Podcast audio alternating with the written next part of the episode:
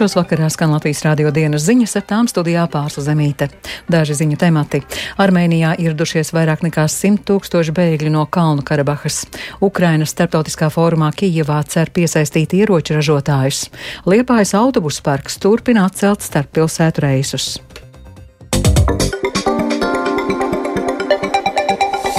Armēnijā ieradušies jau vairāk nekā 100 tūkstoši bēgļu no Kalnu Karabahas. Tas nozīmē, ka to pametuši gandrīz visi etniskā armēņu anklāva iedzīvotāji.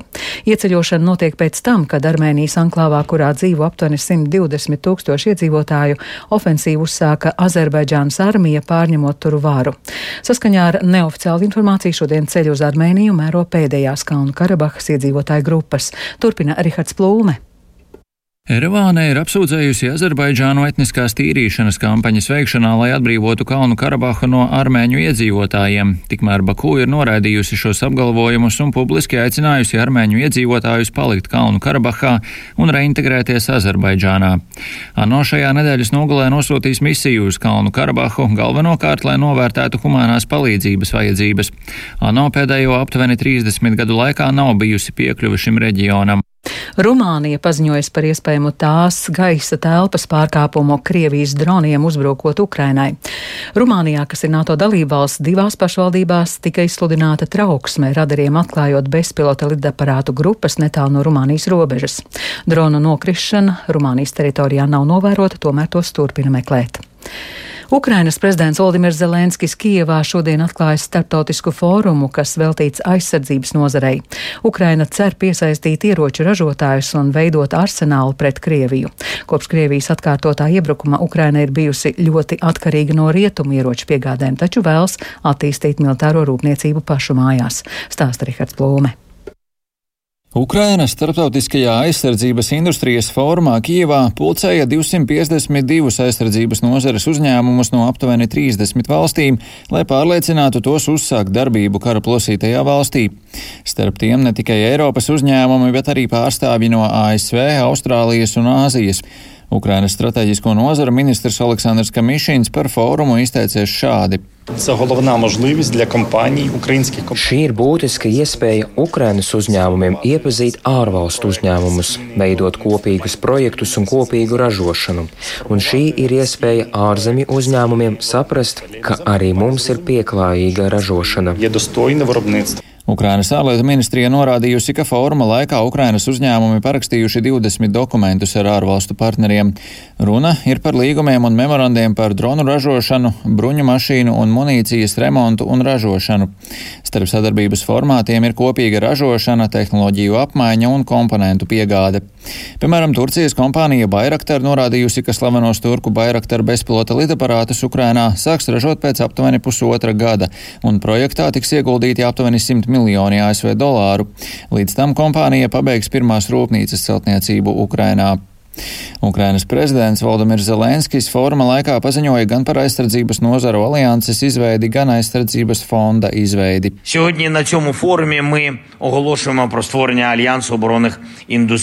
Šodien šajā formā mēs paziņojam par aizsardzības nozaru alianses izveidi. Alianse, kas augstu vērtē starptautiskās tiesības un zina, kā strādāt, lai nodrošinātu reālu starptautisko tiesību aizsardzību.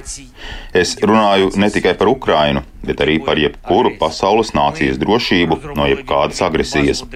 Šīs alianses pamatam esam izstrādājuši arī atbilstošu deklarāciju, un tai var pievienoties ik viens ieroču un militārā aprīkojuma ražotājs no visas pasaules, kuram ir nolūks sniegt patiesu aizsardzību pret jebkādu agresiju. Otra lieta, par ko esmu priecīgs paziņot, ir tā, ka Ukraina militārās industrijas kompleksam izstrādā īpašu ekonomisko režīmu. Treškārt, Ukrainā tiks radīts īpašs aizsardzības fonds, kas sniegs papildu resursus. Fóruma noslēgumā aizsardzības nozaru aliansē bija pievienojušies 38 uzņēmumi no 19 valstīm. Tiek norādīts, ka aizsardzības fonds tiks papildināts no dividendēm no valsts aizsardzības līdzekļiem un peļņas no konfiscēto Krievijas aktīvu pārdošanas. Pēc Zelenska domām Ukrainas ražotāji kara apstākļos kļūst arvien spēcīgāki, un tie ir ne tikai valsts aizsardzības uzņēmumi, bet arī privātie jaunu uzņēmumi, kas tikko sākuši darboties un sevi jau ļoti labi pierādījuši. Zelenskis paziņojis, ka Ukraina kļūs par pirmo valsti pasaulē, kurai būs sava bezpilota jūras dronu flote, piebilstot, ka tas padarīs Krievijas karakuģus par bezjēdzīgiem un liks tiem slēpties. Pēc ieroču ekspertu domām šobrīd pasaulē ir 134 jūras dronu veidi, taču lielākā daļa no tiem ir izlūkošanas vai mācību modeļi. Ukrainas droni ir unikāli, jo tie pirmie pasaulē demonstrēja izmantošanas efektivitāti reālās kaujas operācijās jūrā kā sastāvdaļu pilna mēroga got up. Rihards Plūme, Latvijas radio. Slovākijā šodien notiek parlamenta pirmstermiņa vēlēšanas, kuru iznākums var noteikt valsts ārpolitikas prioritātes. Vēlēšanām pievērsta liela uzmanība, jo līdz ar populistiskā ekspremjera Roberta Fico kreisās partijas virziena sociāldemokrātijai nākšanu pie varas varētu mainīties valsts atbalsts Ukrainai un Bratislava pietuvinātos Maskavai. Nereti tiek norādīts, ka pie varas valstī varētu nākt Eiropas otrs Viktors Orbāns.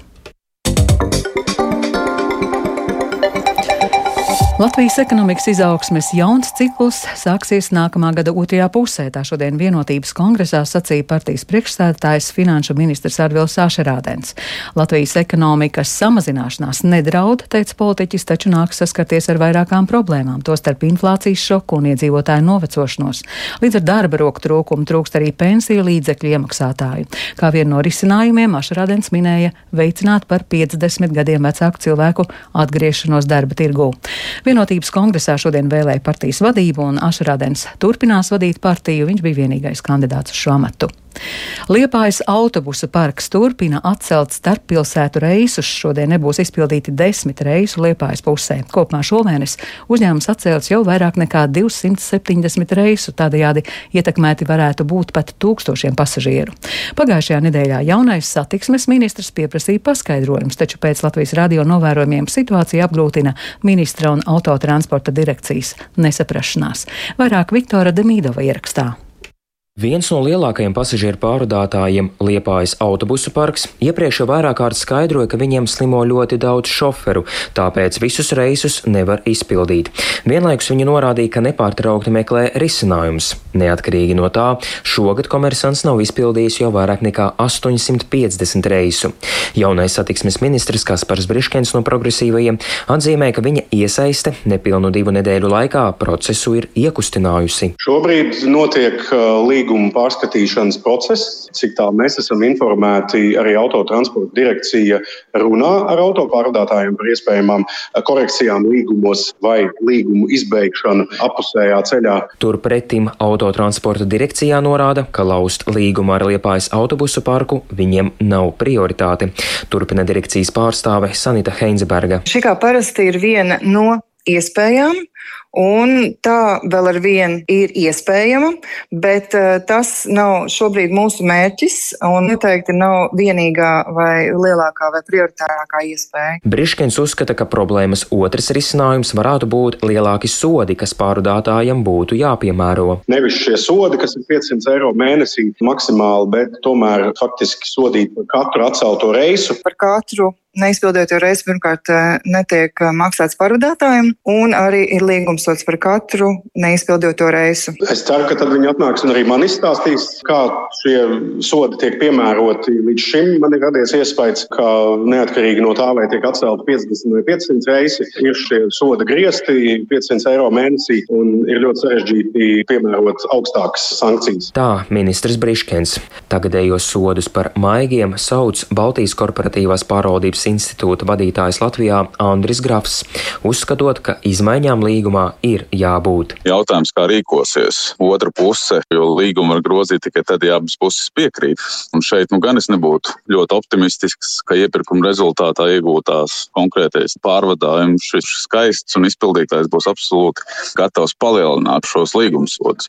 Nu, līdz ar to man liekas, ir jāvērt arī šī iespēja izbeigt līgumu, jo ir skaidrs, ka, ja ir problēmas, ja mēs mēs visu nu, teksim, to Latvijas tirgu, ja citiem pārvadātājiem šādas problēmas nav, nu, tad attiecīgi tad tā problēma tiešām ir konkrētā pārvadājumā, nevis šajā līgumu kopējā sistēmā. Autotransporta direkcijā norāda, ka kopumā Liepājas autobusu parks šogad nav izpildījis mazāk par 1% no visiem reisiem. Uz jautājumu, kāda ir tā robeža, līdz kurai uzņēmums var tā rīkoties, noskaidrojās, ka tādas nav. Viktors Damidovs, Latvijas radio. Un rīt Liepājas autobusu parks atcēlis vismaz sešus reisus, un kā iemesls norādīts autobusu vadītāju trūkums.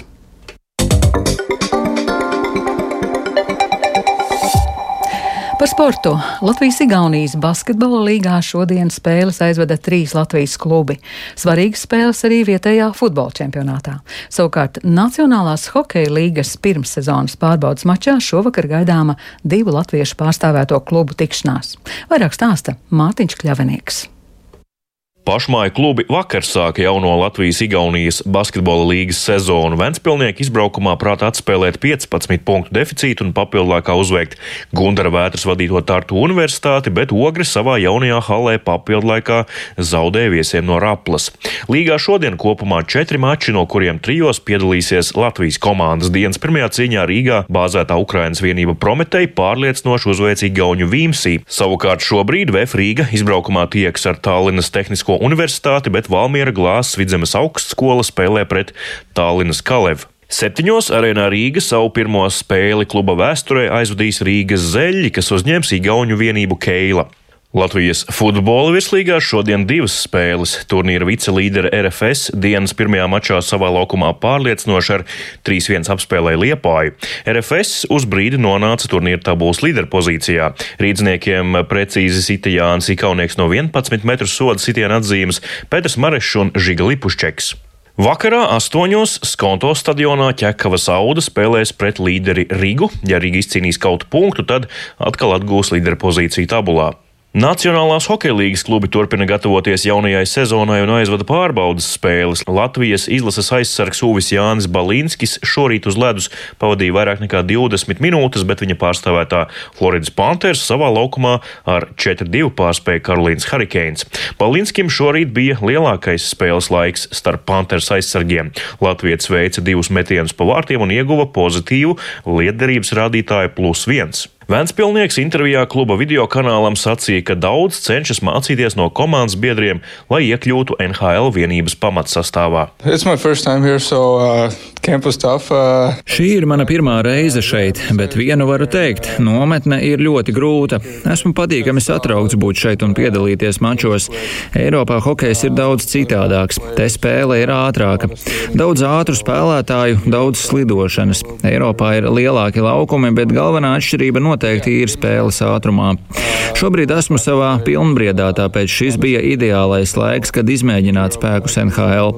Cenšos daudz mācīties no pieredzējušajiem komandas biedriem, kā viņi veido izspēles, ko dara konkrētās situācijās. Uh, and, uh, Visbeidzot, šovakar desmitos pēc Latvijas laika savstarpējo pārbaudas maču aizvadīs Zemgus Girgensona pārstāvētā Buffalo Sabres pret Kolumbusas Blue Jackets ar vārdsargu Elvi Merzļīkinu ierindā. Iespējams, ka uz ledus aci pret aci tiksies arī abi latvieši. Interesanti, ka Seibras vēl atlikušas divas pirmssezonas spēles, bet Blue Jackets pat četras. Mārtiņš Kļavinieks, Latvijas radio. Un ar to izskan Latvijas rādio dienas ziņas. Producents Edgars Kupčs, ierakstus montēja Renāša Steimanis, par labskaņu rūpējās Rita Karnača, ar jums runāja Pārsla Zemīte. Īsi svarīgākais - Armēnijā ieradušies vairāk nekā 100 tūkstoši bēgļu no Kalnu Karabahas. Ukrainas startautiskā fórumā Kijevā cer piesaistīt ieroču ražotājus.